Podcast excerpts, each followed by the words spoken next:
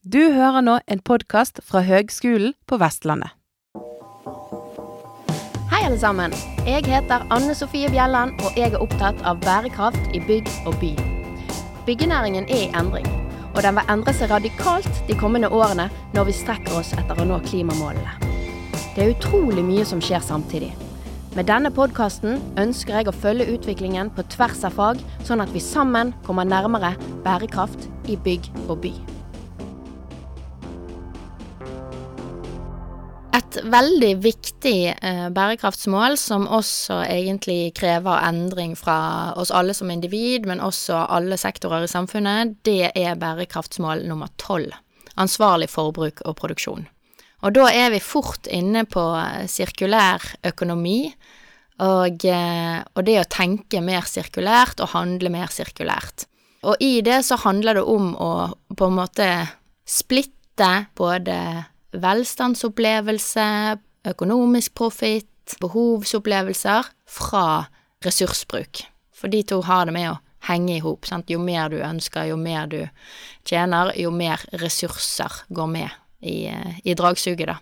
Og eh, for å få det til, så er det tre strategier. Det ene er å strekke, altså å strekke de materialene vi allerede har, til å ø, lengre, i form av for eksempel for et bygg, lengre levetid, forlenge levetiden på, på de ressursene vi allerede har tatt ut. Det andre det er å redusere, altså kan vi klare oss på mindre, kanskje man kan forenkle systemer, bruke mindre materialer generelt. Og den siste det er å gjenbruke eller ombruke. Og det handler jo om å, å ikke skape avfall, men heller se på det som en ressurs. Og alle disse tingene her er jo ting som vi forsøker på i byggenæringen om dagen. Og dette krever nye forretningsmodeller i en bransje som stort sett har drevet med femårsgaranti på ting, lage, bygge, selge, garantitid, rive, kaste. Eh, der eh, skjer det utrolig mye, og noen aktører prøver seg på nettopp sirkulære forretningsmodeller i sine bedrifter. Så jeg måtte høre litt fra de som har, eh, har prøvd seg i praksis. Så jeg har snakket med Ernst Johansen, regionsjef i Bergen i Svegård Norge. Fredrik Henriksen, produktsjef i Sanitær og varme i Amatur Jonsson AS. Og Tord Christensen, som er direktør for salg i Norge for Signify. Da vil jeg først si uh, hallaien, Ernst, Tord og Fredrik. Halloi. Halloi, halloi. Hallaien. Det er ikke ofte jeg har uh, tre stykker med meg i prat, og i hvert fall ikke digitalt sånn som dette her, så uh, vi får bare prøve å bruke litt sånne veivefingre og sånn for å, hvis vi snakker i munnen på hverandre.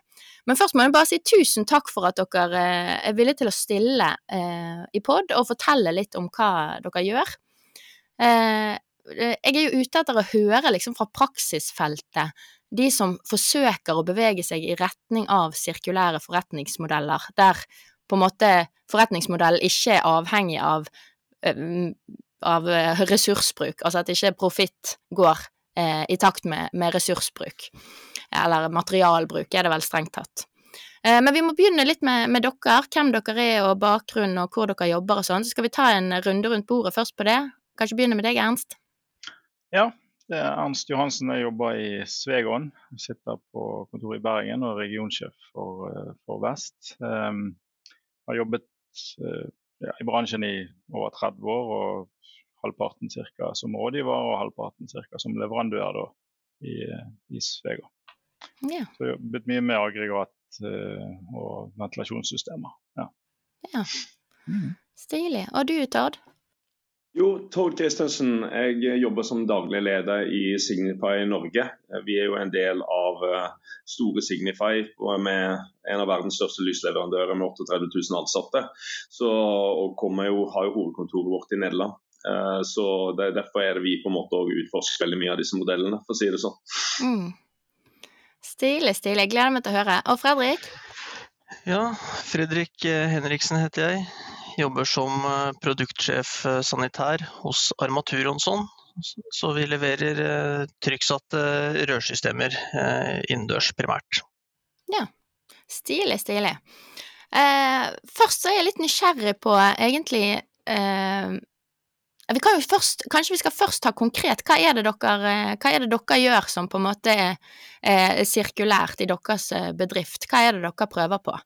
Uh, vi begynner med deg igjen, Ernst.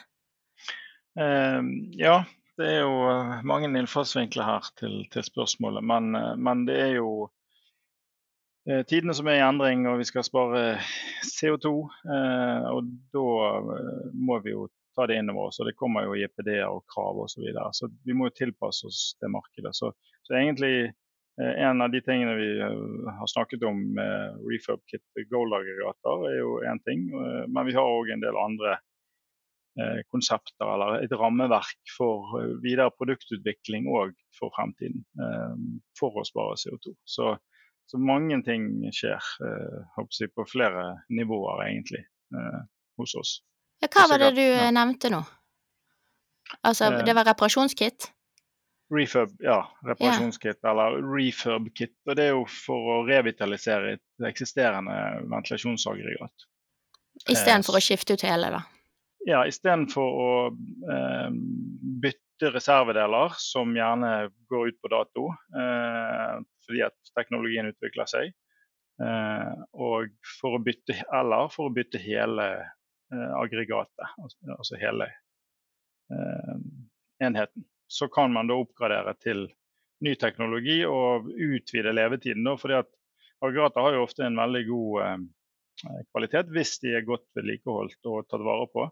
Så jeg har jo stål en lang levetid eh, på disse aggregatene. Eh, så hvis man da kan bytte styring, automatikk eh, og en del komponenter, så kan man eh, utvide levetiden. Så det vil jo være en veldig god CO2-besparelse. Absolutt. Da, da, er det det vi kaller å revitalisere det, eller ja. Ja, Men har, har, eh, praksis frem til dere begynte med dette, og kanskje flere, men har praksis vært å, å bare skifte ut? Eh, ja, i større grad. Det har nok vært, eh, det har nok vært eh, oppgraderinger òg, men, men, da skal det ofte tilpasses. Gamle vifter så annerledes ut enn viftene som brukes i dag. Da må man mm. gjerne tilpasse både aggregat og vifterom. Så da må man allikevel gjøre mye arbeid, så da er det ofte enklere å bare bytte ut hele enheten. Oh, ja. Men nå slipper man det. Eh, altså Gold eh, som produkt, ventilasjonsaggregat, er jo 30 år i år, faktisk. Eh, så har jo vært lenge på markedet. Og vi ser jo det at de anleggene som kom for 30 år siden, eller opp inntil 25 år siden, der sliter vi med å finne reservedeler. For det er en gammel teknologi som blir veldig dyr å bytte, f.eks. motorstyring. Mm. Um, så da er det fornuftig å um,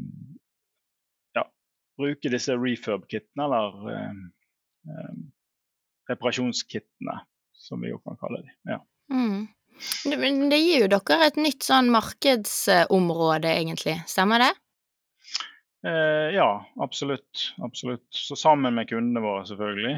Eh, Eh, så sånn, I forhold til det tradisjonelle, så er jo det Man må ha teknikere eh, som kan gjøre dette, og vi må ha en god support med kompetansen. Så, så vi er jo òg i ferd med å, si, eh, utvikle teknikere som skal opp og gå på dette eh, enda mer enn før. Og, og at vi har en god supportorganisasjon som kan eh, håndtere disse tingene. For det er jo, som du sier, det er et nytt marked òg for oss, sammen med våre kunder selvfølgelig. Ja, Men hvordan funker det? Jeg må bare spørre, nå, nå, er vi liksom inne i ditt case, så jeg tror vi bare tar hele det, så vi kommer litt ordentlig inn i det. For det eh, Altså, tidligere dere, dere, er jo egentlig leverandør av ventilasjonsaggregater og systemer, sant? Ja, ja. Og normalt så ville dere fått en bestilling og så levert det, og skiftet ut der det var behov, videre. Mens det dere nå gjør, det er jo at dere foreslår å heller reparere, eller dere tilbyr det. Ja, altså vi, vi kan sammen med kunden da eh, hvis han har fått en forespørsel f.eks. For fra en byggherre om at nå skal de oppgradere eller eh, har en service og ser at det er et anlegg som, som bør eh, gjøres noe med. Kanskje det er rehabilitering i bygget, der er behov for mer luft. Sant? Nye luftmengder etter, fra gammelt av. Uh, så det trengs kanskje mer luft, eller rett og slett å oppgradere. Mm. Eh, så kan eh, våre kunder, og gjerne sammen med oss, gå inn og vurdere eksisterende aggregat. og I dette caset da Gold-aggregatet. eh, som allerede er installert eh, for 30 år siden eller 20 år siden.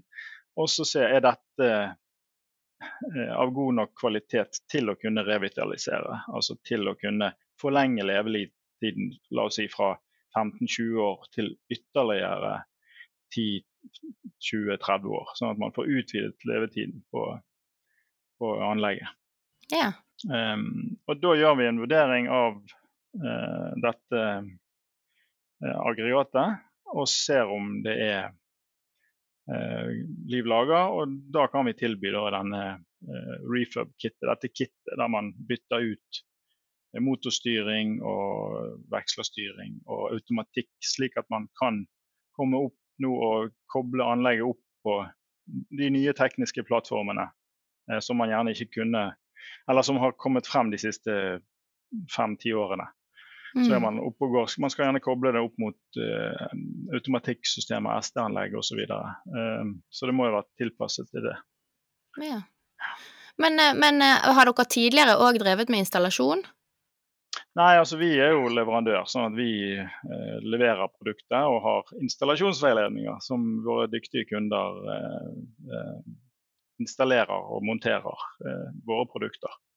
ja, Så det vil si at dere nå har behov for eh, jeg håper å si, ny kompetanse i, i bedriften, da, som faktisk kan gå inn og, og ha en slags montør- ja. eller teknikerrolle? Stemmer det? Ja, ja. Eh, sånn at det vil jo vi tilby til de kundene som, som ønsker det. Og så har vi òg kunder som har dyktige teknikere som vi kan lære opp, og som kan eh, gjøre en del av dette selv. Da. Men, eh, ja, må... Så dere selger også reparasjonskittene til noen som kan eh, bruke de, eller dere gjør jobben? ja, vi, i hovedsak så selger vi jo refurb-kittene til våre kunder, som er ventilasjonsentreprenører og servicefirmaer. Okay. Eh, så, for de har jo gjerne en kontrakt med eh, servicekontrakt eller har en, eh, et kundeforhold med en byggherre osv. Så, mm. ja, så, så det er liksom første steget. Da. Ja. ja. Stilig, stilig. Opplever dere at det er interesse for dette her, da? Ja.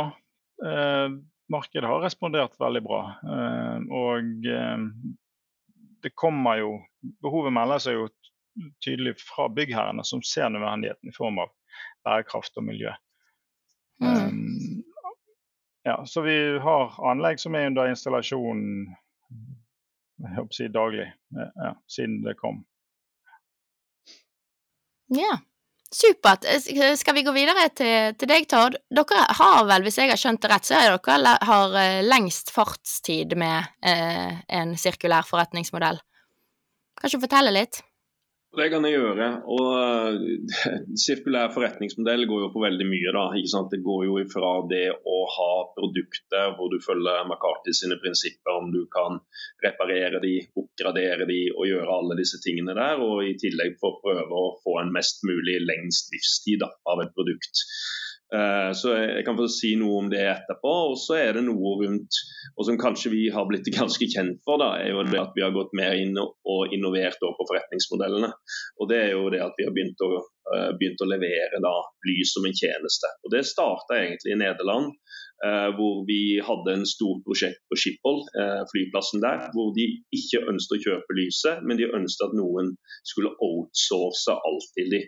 Og Ut ifra det så begynte en å lage, og da hadde de noen par prinsipper. og det var jo det at Den leverandøren som kom inn skulle ha totalt ansvar, og de skulle også vite hva som skjedde med utstyret når det ble tatt ned fra taket. Så I den kontrakten der så ligger det noe sånt som at 95 jeg husker ikke helt antallet, men ligger en 95% eller noe sånt, skal på en måte eh, bli gjenvunnet i etterkant av prosjektet når, når på en måte levetiden av produktene er ute. da. Og Ut ifra det så ble det laga disse modellene der en gjør økonomiske modeller eh, på, basert på det. Og leverer hele installasjonen, leverer hele tjenesten og har et fullt ansvar. Og Så har vi på en måte videreutvikla de modellene på en måte sånn at vi kan ta hele hva skal jeg si, en hele oppgraderingsprosjektet eller hele nye prosjektet. Så kan vi levere dette som en tjeneste, og der vi vrir hele der vi vrir på en måte eh, pengestrømmen fra å være Capex til Opex. Så det blir en fullstendig Hva betyr det? Hva betyr det må du forklare, jeg skjønte ikke hva det ja, betyr. Det, det, det, betyr at du, du kan ta det på, eh, på, det vanlige driftsbudsjettet ditt, hele investeringen. Ja.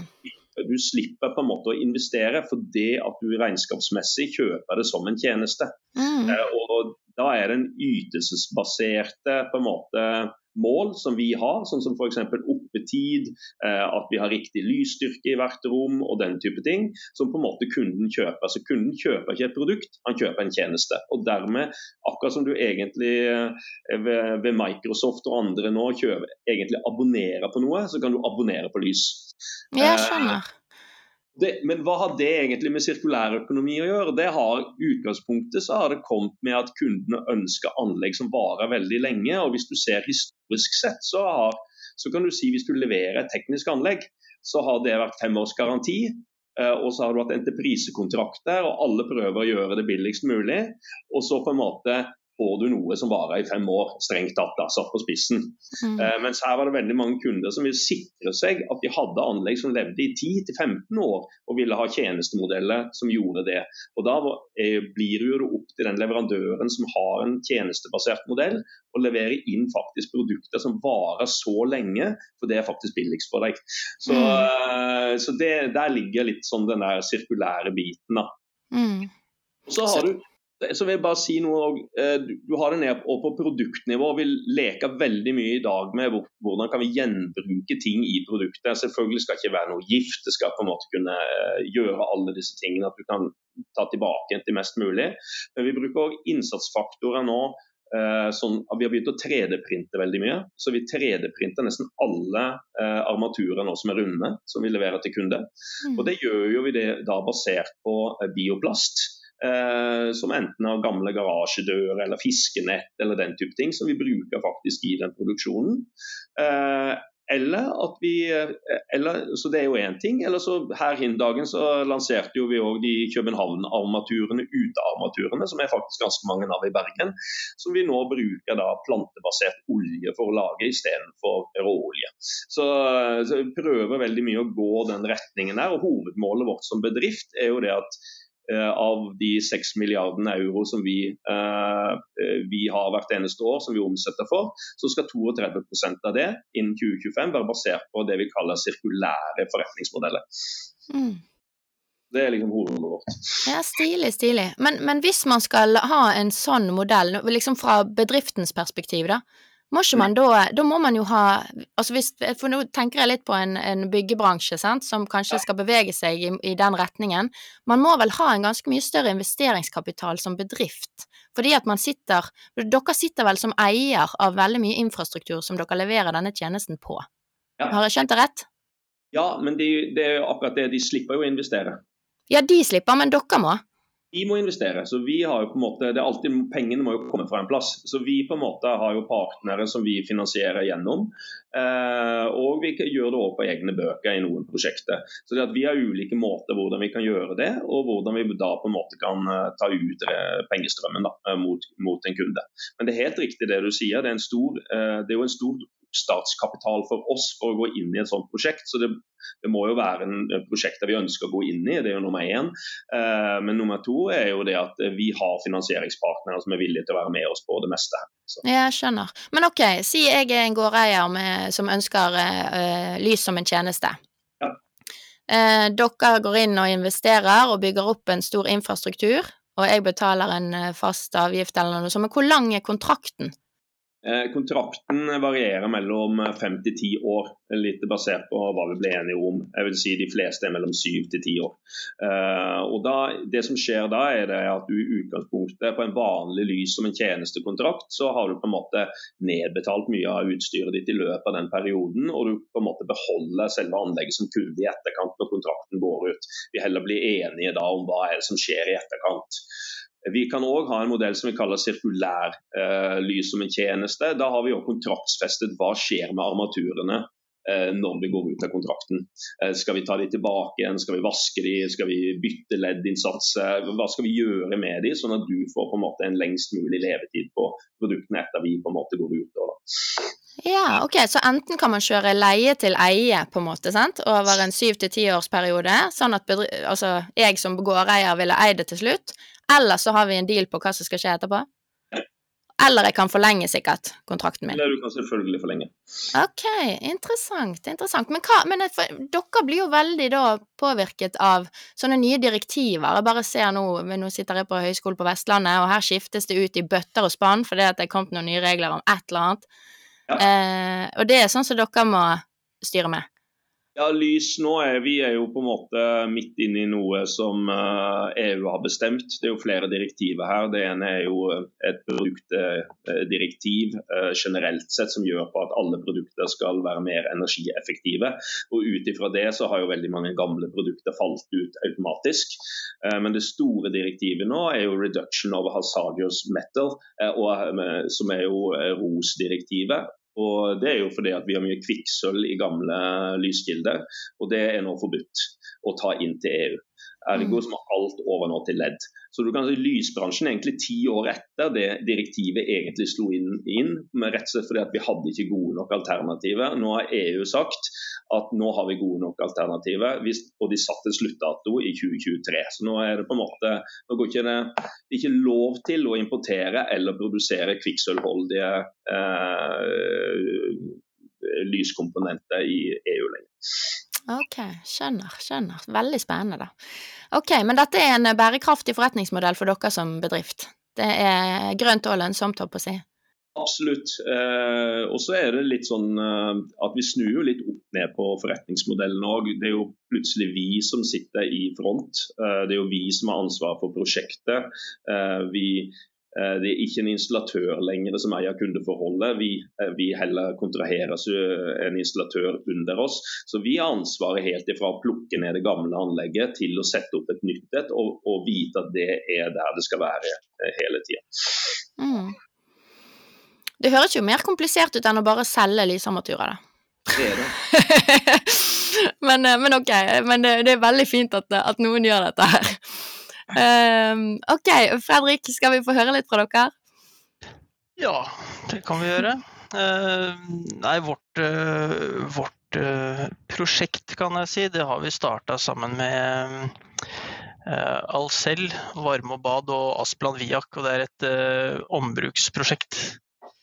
Eh, og det ombruksprosjektet går på at vi ønsker også, også samlingsskap. Altså I begynnelsen er dette et pilotprosjekt. Eh, Vi ønsker å samle inn eh, fordelerskap, gjerne med innhold, som da er fordelere på tappevannssystem. Eh, Og Det er jo bakgrunnen i at eh, systemene er jo laget for å ha en levetid på minimum 50 år.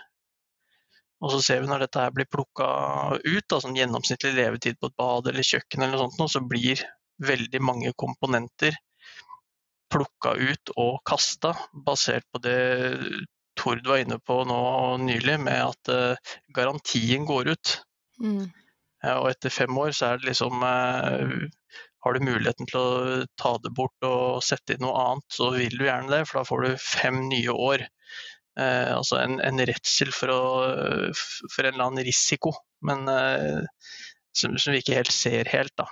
Mm. Eh, Så da ønsker vi å få inn eh, i pilotprosjektet til å begynne med, da, altså 50 skap med, med fordelere gjerne. Så kan gjerne levere uten fordeler også.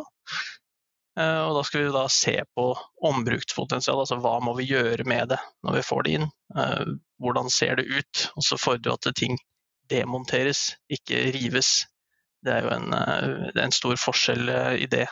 Mm. Men det er jo ikke noe Skapet sitter fast med fire skruer, gjerne, så det er ikke sånn voldsomt vanskelig, men eh, det må nå gjøres eh, ordentlig allikevel. Ja, ja, ja. Også, men det er vel kanskje ikke så mye sånn her eh, vaske og rense, sånn som på gjenbruk av ventilasjonskanaler, eksempel. Her har du litt større marginer, for å si det sånn. Ja da, det skal vel primært se, se pent ut. Ja. Fordelerskapet sitter jo skjult inni veggen, eh, og det sitter jo tørt. Og det har jo ikke noen bevegelige deler, ingenting. Mm. Så det er jo det, Levetiden er jo på langt nær borte eh, Mm. når det ofte da demonteres eller tas ut av et bygg. Yeah. Eh, og det er mange prosjekter som er på jakt etter sånne produkter. Og så har vi også satt oss et litt hårete mål. Da. Det var jo innen eh, i løpet av 2025 så skulle 5% av vår omsetning gå via ombrukte varer. Da må, da må man jo begynne et sted. Ja, ja, ja. Veldig spennende. Ja, veldig spennende og veldig hårete. Men Mhm. eh, man eh, må jo sette seg noen mål, da. Men hvordan, eh, hva, hva, hvordan stimulerer dere til at alle de som er ute og river eller prøver å demontere, da, tenker å ja, jeg går inn og leverer dette der. Er det en pant, eller? Ja, til å begynne med så har vi nå starta med en, eh, en panteordning som da kommer den som gidder å demontere ganske greit til gode, for å si det sånn. Da får du en, eh, leverer du et tomt skap, så får du eh, en kveil med rør i pant. Altså en kveil med rør, er 50 meter Ja. med rør. Leverer du skap med innhold, så får du to kveiler. Ja. Så det er eh, Til nå så har innsamlinga nå vært kun i, på én avdeling i Oslo, en, Alcel-avdeling, men utvides nå til eh, en avdeling i Bergen. Ja.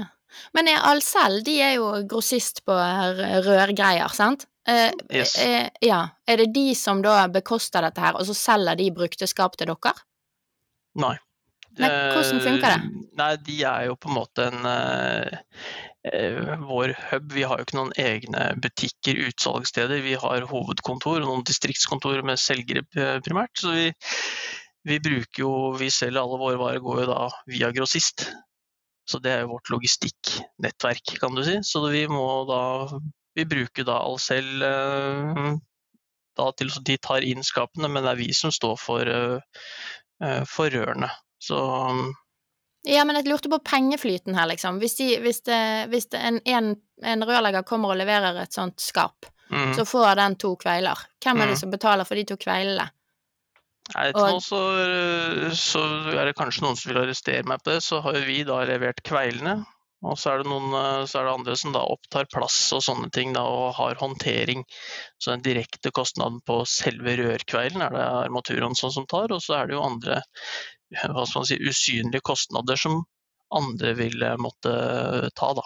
Ja, og så innebærer det at dere får det skapet, da. Ja, da samler de de opp skapene før de sendes til oss når vi har et, et visst antall eh, skap eh, stående. Eh, Mm. Istedenfor at det kommer med ett og ett, så blir det også veldig lite miljøvennlig, for å si det sånn. Da driver vi kjører ett og ett skap rundt. Så når vi får Mm. et visst antall skap, så blir det frakta tilbake til vår prefabrikkeringsavdeling som vi har. eh, Hvor Mm. vi ser eh, Hvor vi bare se hva skal vi Hvordan skal vi best kunne løse eh, løse hvordan vi skal ta det inn igjen i markedet, da. Mm. Men da, hvis jeg forstår deg rett, så er ikke helt liksom pengene i, i den verdikjeden som dere prøver å bygge, det er ikke helt avklart ennå. Er det riktig forstått? Ja, altså til nå så har jo ikke vi Vi har jo ikke tjent noe penger på dette her enda. Det skal man, så ærlig kan man jo være. Eh, Så dette er jo et første skritt inn i å, å finne en, eh, en modell der vi har valgt noen, ut, noen få utvalgte produkter som vi anser som veldig ombrukbare. Mm. Eh, og eh, må da se hva kan vi hva, hvor mye kan vi få inn, og hvordan skal vi på best mulig måte med minst mulig innsats, kan man si da, hvis du må stå og syrevaske ting, eh, eller eh, lakkere ting på nytt, eller Mm. sandblåse noe, så er det liksom ikke noe Da går vinninga litt opp i spinninga, både miljømessig og økonomisk. Ja. Så man må finne en, eh, finne en modell, og det har vi da planer om å gjøre sammen med de partnerne som nå er med i dette pilotprosjektet. Da. Ja. Men dere opplever etterspørsel, du var så vidt inne på det. Kan du si litt om hva, hvem, hvem er etterspør disse tingene? Nei, det er jo noen enkelte prosjekter eh, som setter eh, som setter at de skal ha en gitt andel eh, av eh, produktene som skal inn i et nytt prosjekt, skal være ombrukte varer. Mm. Eh, og hvis eh, man skal kunne tilby det enten at man skal gå rundt og finne sånne donorbygg og sånt noe, så er det jo greit også å bygge, en, bygge et lager, da. Mm. Eh, Så det er jo første, første skrittet med det nå. Så det, ser vi også på andre mulige løsninger for å i det hele tatt ikke ta i disse tingene selv, men eh, legge til rette for at det, det kan eh, ombrukes på stedet og med en ny eh, garanti, da, for å si det sånn. Dette. men da ja, må man finne et gitt kriteriesett. Ja, ja, det er jo Altså, dette med garantiene, det er på en måte en slags eh, barriere, eller hvordan altså jeg er jo jeg er rørlegger sjøl, og det var, det var veldig sånn hvis du, hvis du fikk tak i noe Hvis den veggen var åpen, så skifta du det. når du først var der. Uten egentlig å se så mye på, på levetiden og sånt. Så en, man må også tenke litt annerledes. Det måtte jeg også når vi ble med i dette prosjektet. Og så lærer man å tenke litt annerledes. For det er jo det å, å flytte risiko bort fra seg sjøl, som Mm. er veldig mange Jeg opplever da at veldig mange er opptatt av. Mm. Og ikke sitte med eh, den dagen den skumle, kjipe fakturaen kommer, så skal du ha noen å peke på. Ja, ja. Eh, Men, men ok, hvis du åpner en vegg i dag, da, hva er det du, hvordan tenker du da? For det, tidligere tenkte du skift alt du kan skifte, sånn at uh, du sikrer deg, mens uh, nå, hva, hvordan, hva gjør du da? Du må jo ta, ta økt risiko, da, eller? Nei, det som jeg var inne på, så altså systemene, altså rørene, nå, nå snakker jeg da Vi har jo mange forskjellige rørsystemer. Hvis du da snakker om tappvannssystem, rør i rør, så har du en, en forventa levetid på 50 år. Eh, og det er jo, så skal du ha et, et makstrykk, og du skal ha en maks på varmtvannssiden. Men så lenge du er innafor det, så er det jo ikke noe vits å rive alt ut Mm. bare for å rive det ut. Det blir jo Skifter ikke setene dine i bilen bare fordi at det det har gått fem år. Nei, det er så, en fin sammenligning. Ja, Mm. kanskje ikke sånn kjempefin, men det var den jeg kom på. Men eh, Mm. det er i hvert fall en eh, Det er i hvert fall en eh, mulighet eh, for å ikke skifte ut alt, og det som du eventuelt må skifte for at du skal ha noe eh, skalert opp eller skalert ned, kan tas ut og benyttes et annet sted uten Mm. at det skal eh, kastes. Mm. Eh, når man ser at det er jo da 90-99% mindre utslipp ved ombrukte varer enn ved nye varer, eh, så har jo bygg- og anleggsbransjen har et eh, ganske stort ansvar med å ta noen grep for å legge til rette for at det kan, det kan skje. Da. Mm. Absolutt. Eh, der i forhold til ombruk, Ernst, så driver jo dere òg og forsøker dere litt på ombruk av eh, ventilasjonskanaler. Der er dere med på dette prosjektet i Bergen. Kon-Tiki. Kan ikke du fortelle litt? Jo da, det stemmer. Eh, Vi har vært med der fra, egentlig fra begynnelsen av. Og det er jo veldig, veldig spennende å være med på. Og så er det jo forholdsvis et enkelt produkt, en ventilasjonskanal, men jeg har mange logistikkutfordringer rundt seg. Sant? Det er mye luft som skal transporteres hvis du må transportere en ventilasjonskanal. Eh, Enten om man er nå er ny eller eh, brukt. Så det, det ligger der uansett. Um, Så vi har vært med i en god del arbeidsgrupper i det Kon-Tiki-prosjektet og har sett at det kan være mulig å, å gjenbruke kanaler. Så sammen med de andre aktørene der, så, det, så er jo dette et, et ja, frivillig prosjekt, så det har jo gått litt i rykk og napp. Eh, Men nå er det litt eh, startet opp igjen, for å si det sånn. Det var litt rolig her i fjor, eh, akkurat i en periode. Så nå er det vel en ny samling i, i midten av januar. Ja.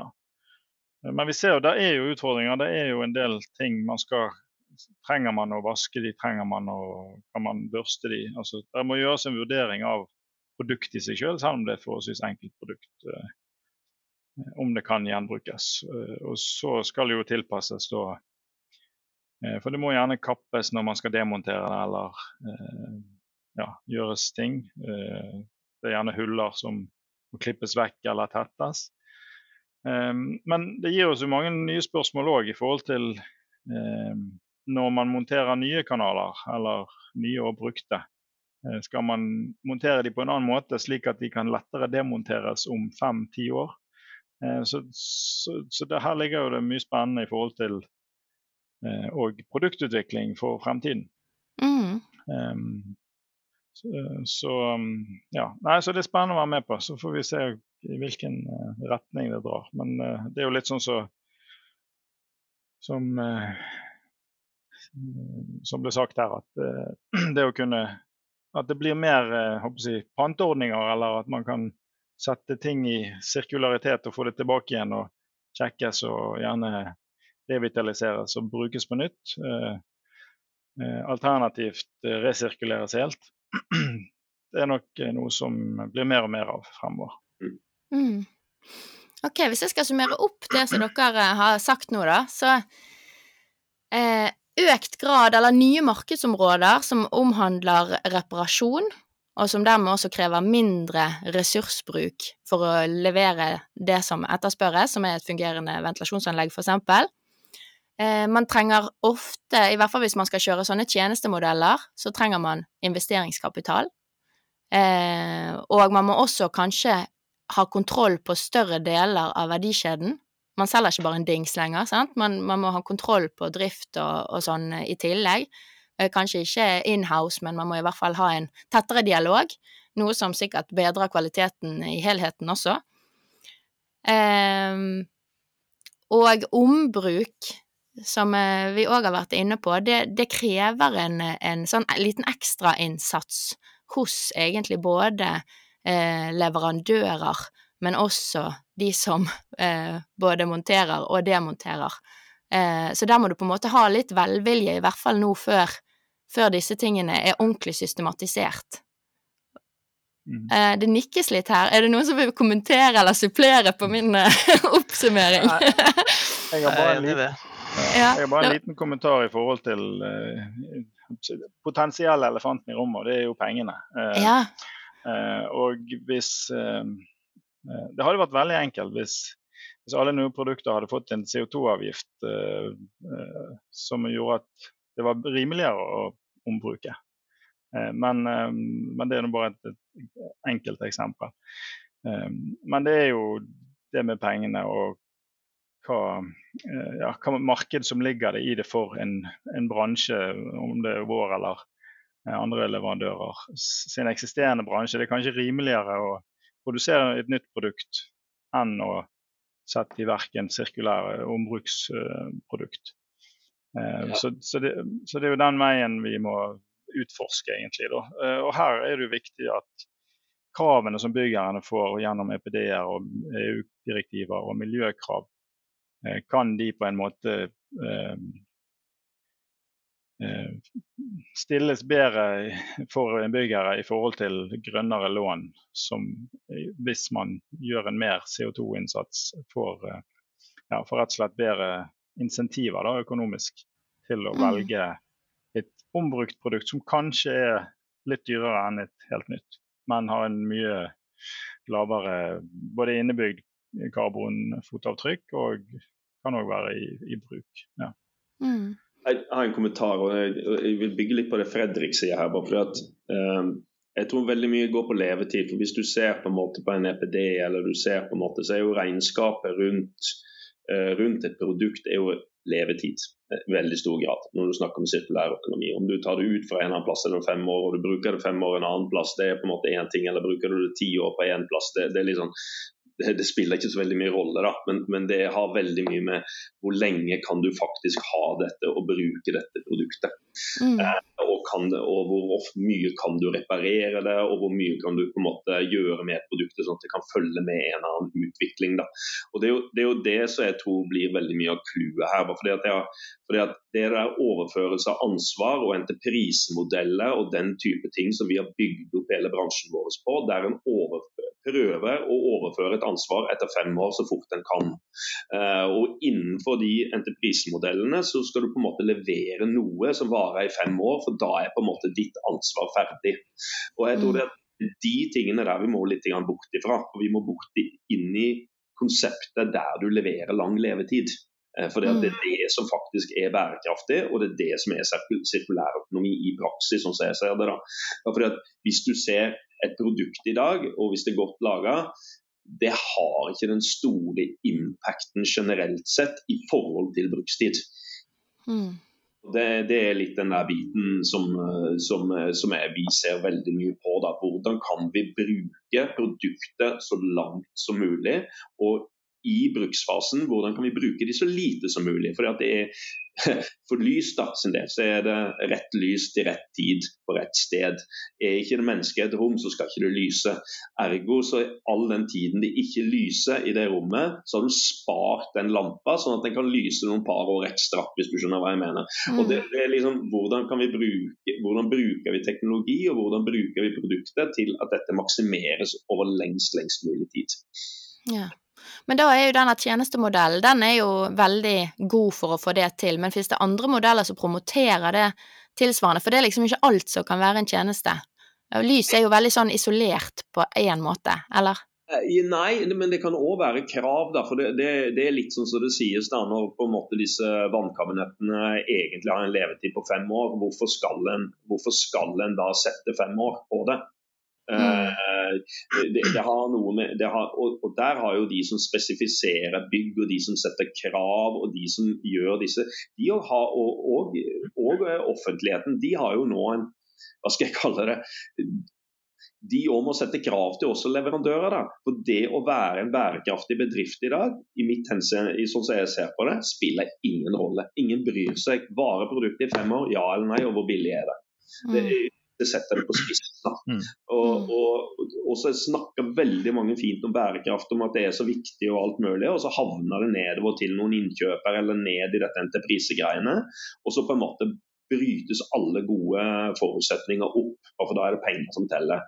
Og jeg tror det at hvordan klarer vi på en måte å få den der tanken fra de som skulle bygge dette bygget, eller gjøre denne rehabiliteringen helt gjennom alle ledda, sånn at de faktisk får det de egentlig ba om. Da. Og, det, og det er jo litt sånn Det er litt av nøkkelen, sånn som jeg ser det. Og forhåpentligvis, nå med offentlige som sier at 30 eh, av valgkriteriene skal være bærekraft fra nå av, så blir det veldig spennende å se i praksis hva betyr egentlig det. Er det litt sånn kryss i aktivitet, eller er det faktisk noe du er nødt til å bevise? Da? At du gjør noe smart, eller at du bruker gjenbruk, eller at du har en plan på hvordan disse produktene skal leve lengst mulig eh, når de mm. først installert. ikke sant? Så, så det, disse, det, er ganske mye spennende der. og Det trenger ikke være lys som en tjeneste, men du kan jo, også, du kan jo be om eh, ti års serviceavtale. Det er jo fint mulig, det. Da må jo mm. levere, det, levere noe som varer i ti år, for de skal ha serviceavtale på de ti år.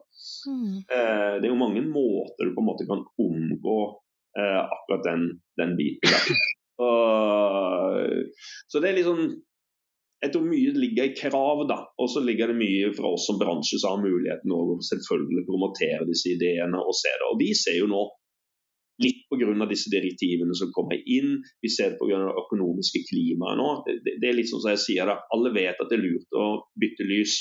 Sant? En 60 watts pære i dag sant? kan du erstatte med en 4 watts pære. Det sier seg selv. Det, den er nedbetalt på null tid. Men har du pengene til å gjøre det? Det er jo det det går på. Skal jeg bruke de pengene på å bytte de lysa, eller skal jeg bytte, bruke de pengene på å investere i min egen bedrift? Det er jo det folk sitter midt oppi akkurat nå i disse tider. ikke mm. Der må vi lage løsninger som gjør det lettere for de og å ta disse eh, for å kunne bytte ut, sånn at de òg faktisk blir mer miljøvennlige, samtidig som da ikke bruker, trenger å bruke store investeringer for å få det til. Og Det kommer ikke til å skje. Uh, vi ser jo det etterslepet som er på kommuner, vi ser på det etterslepet som er i private akkurat nå, uh, rundt rehabilitering. Du kan bare glemme 2030 med det tempoet vi har akkurat nå. Mm. Så det må, må andre mekanismer. Ja. Der er det jo foreslått noe med prisingen her fra Ernst. Jeg syns det var et godt forslag, eller det er et godt poeng. Altså, ting må få verdi igjen. Ting som allerede er der, må få høyere verdi. Uh, er det andre forslag eller, eller, sånne ting dere vil at skal forandre seg, sånn at vi får dette til litt bedre? ja, vi skal jo redde verden, så det må jo, må jo komme noen gode forslag. ja, absolutt.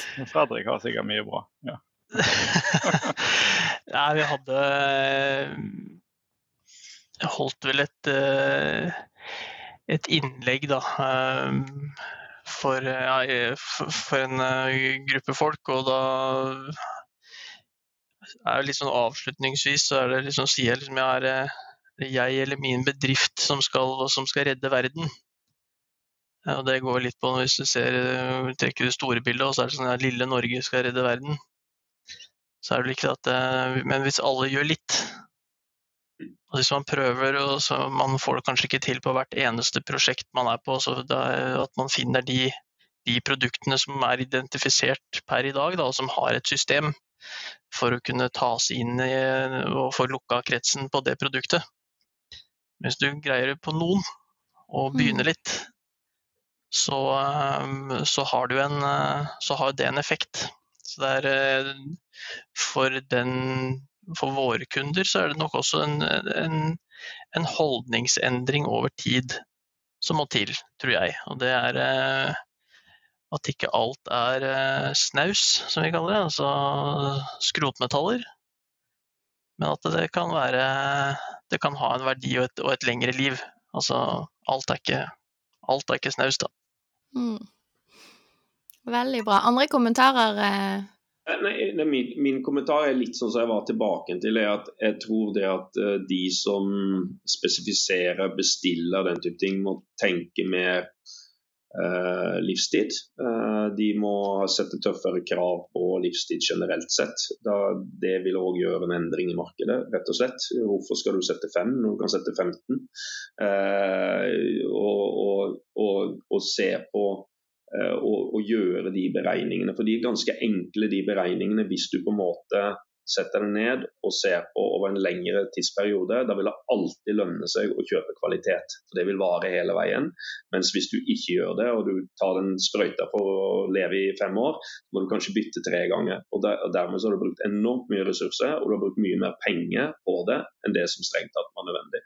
Og så, så det, jeg tror det er litt av det tankesettet med å gå vekk fra at det er bare et produkt, til at det er et produkt som skal vare og, og levere, levere, noe over lang tid. Da.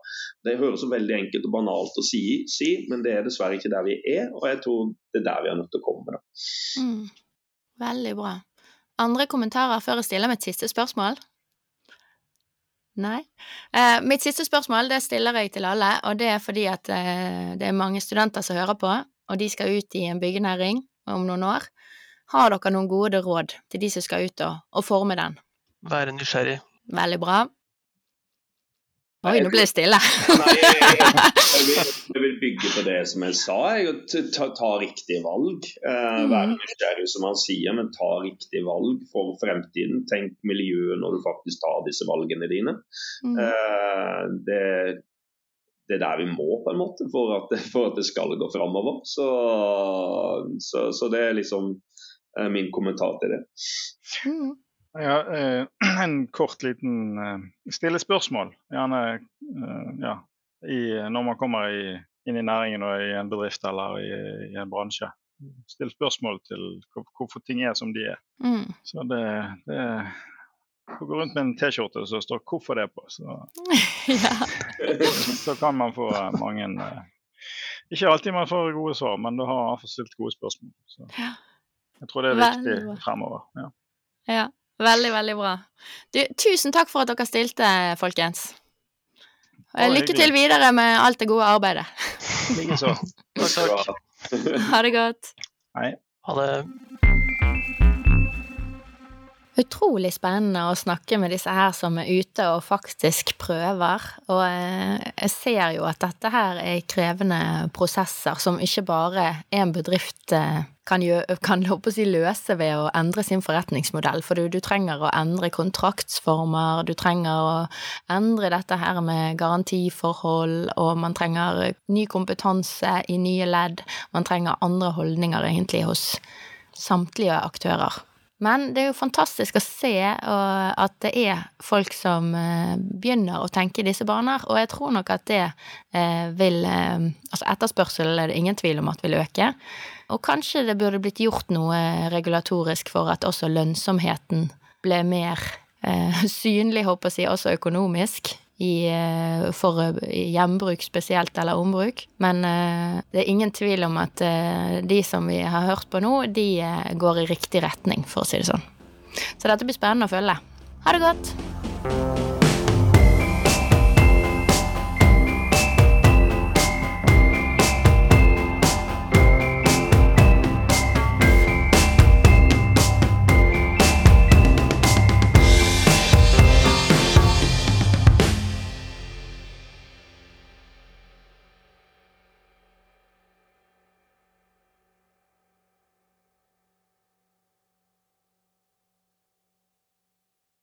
Du har nå hørt en podkast fra Høgskolen på Vestlandet.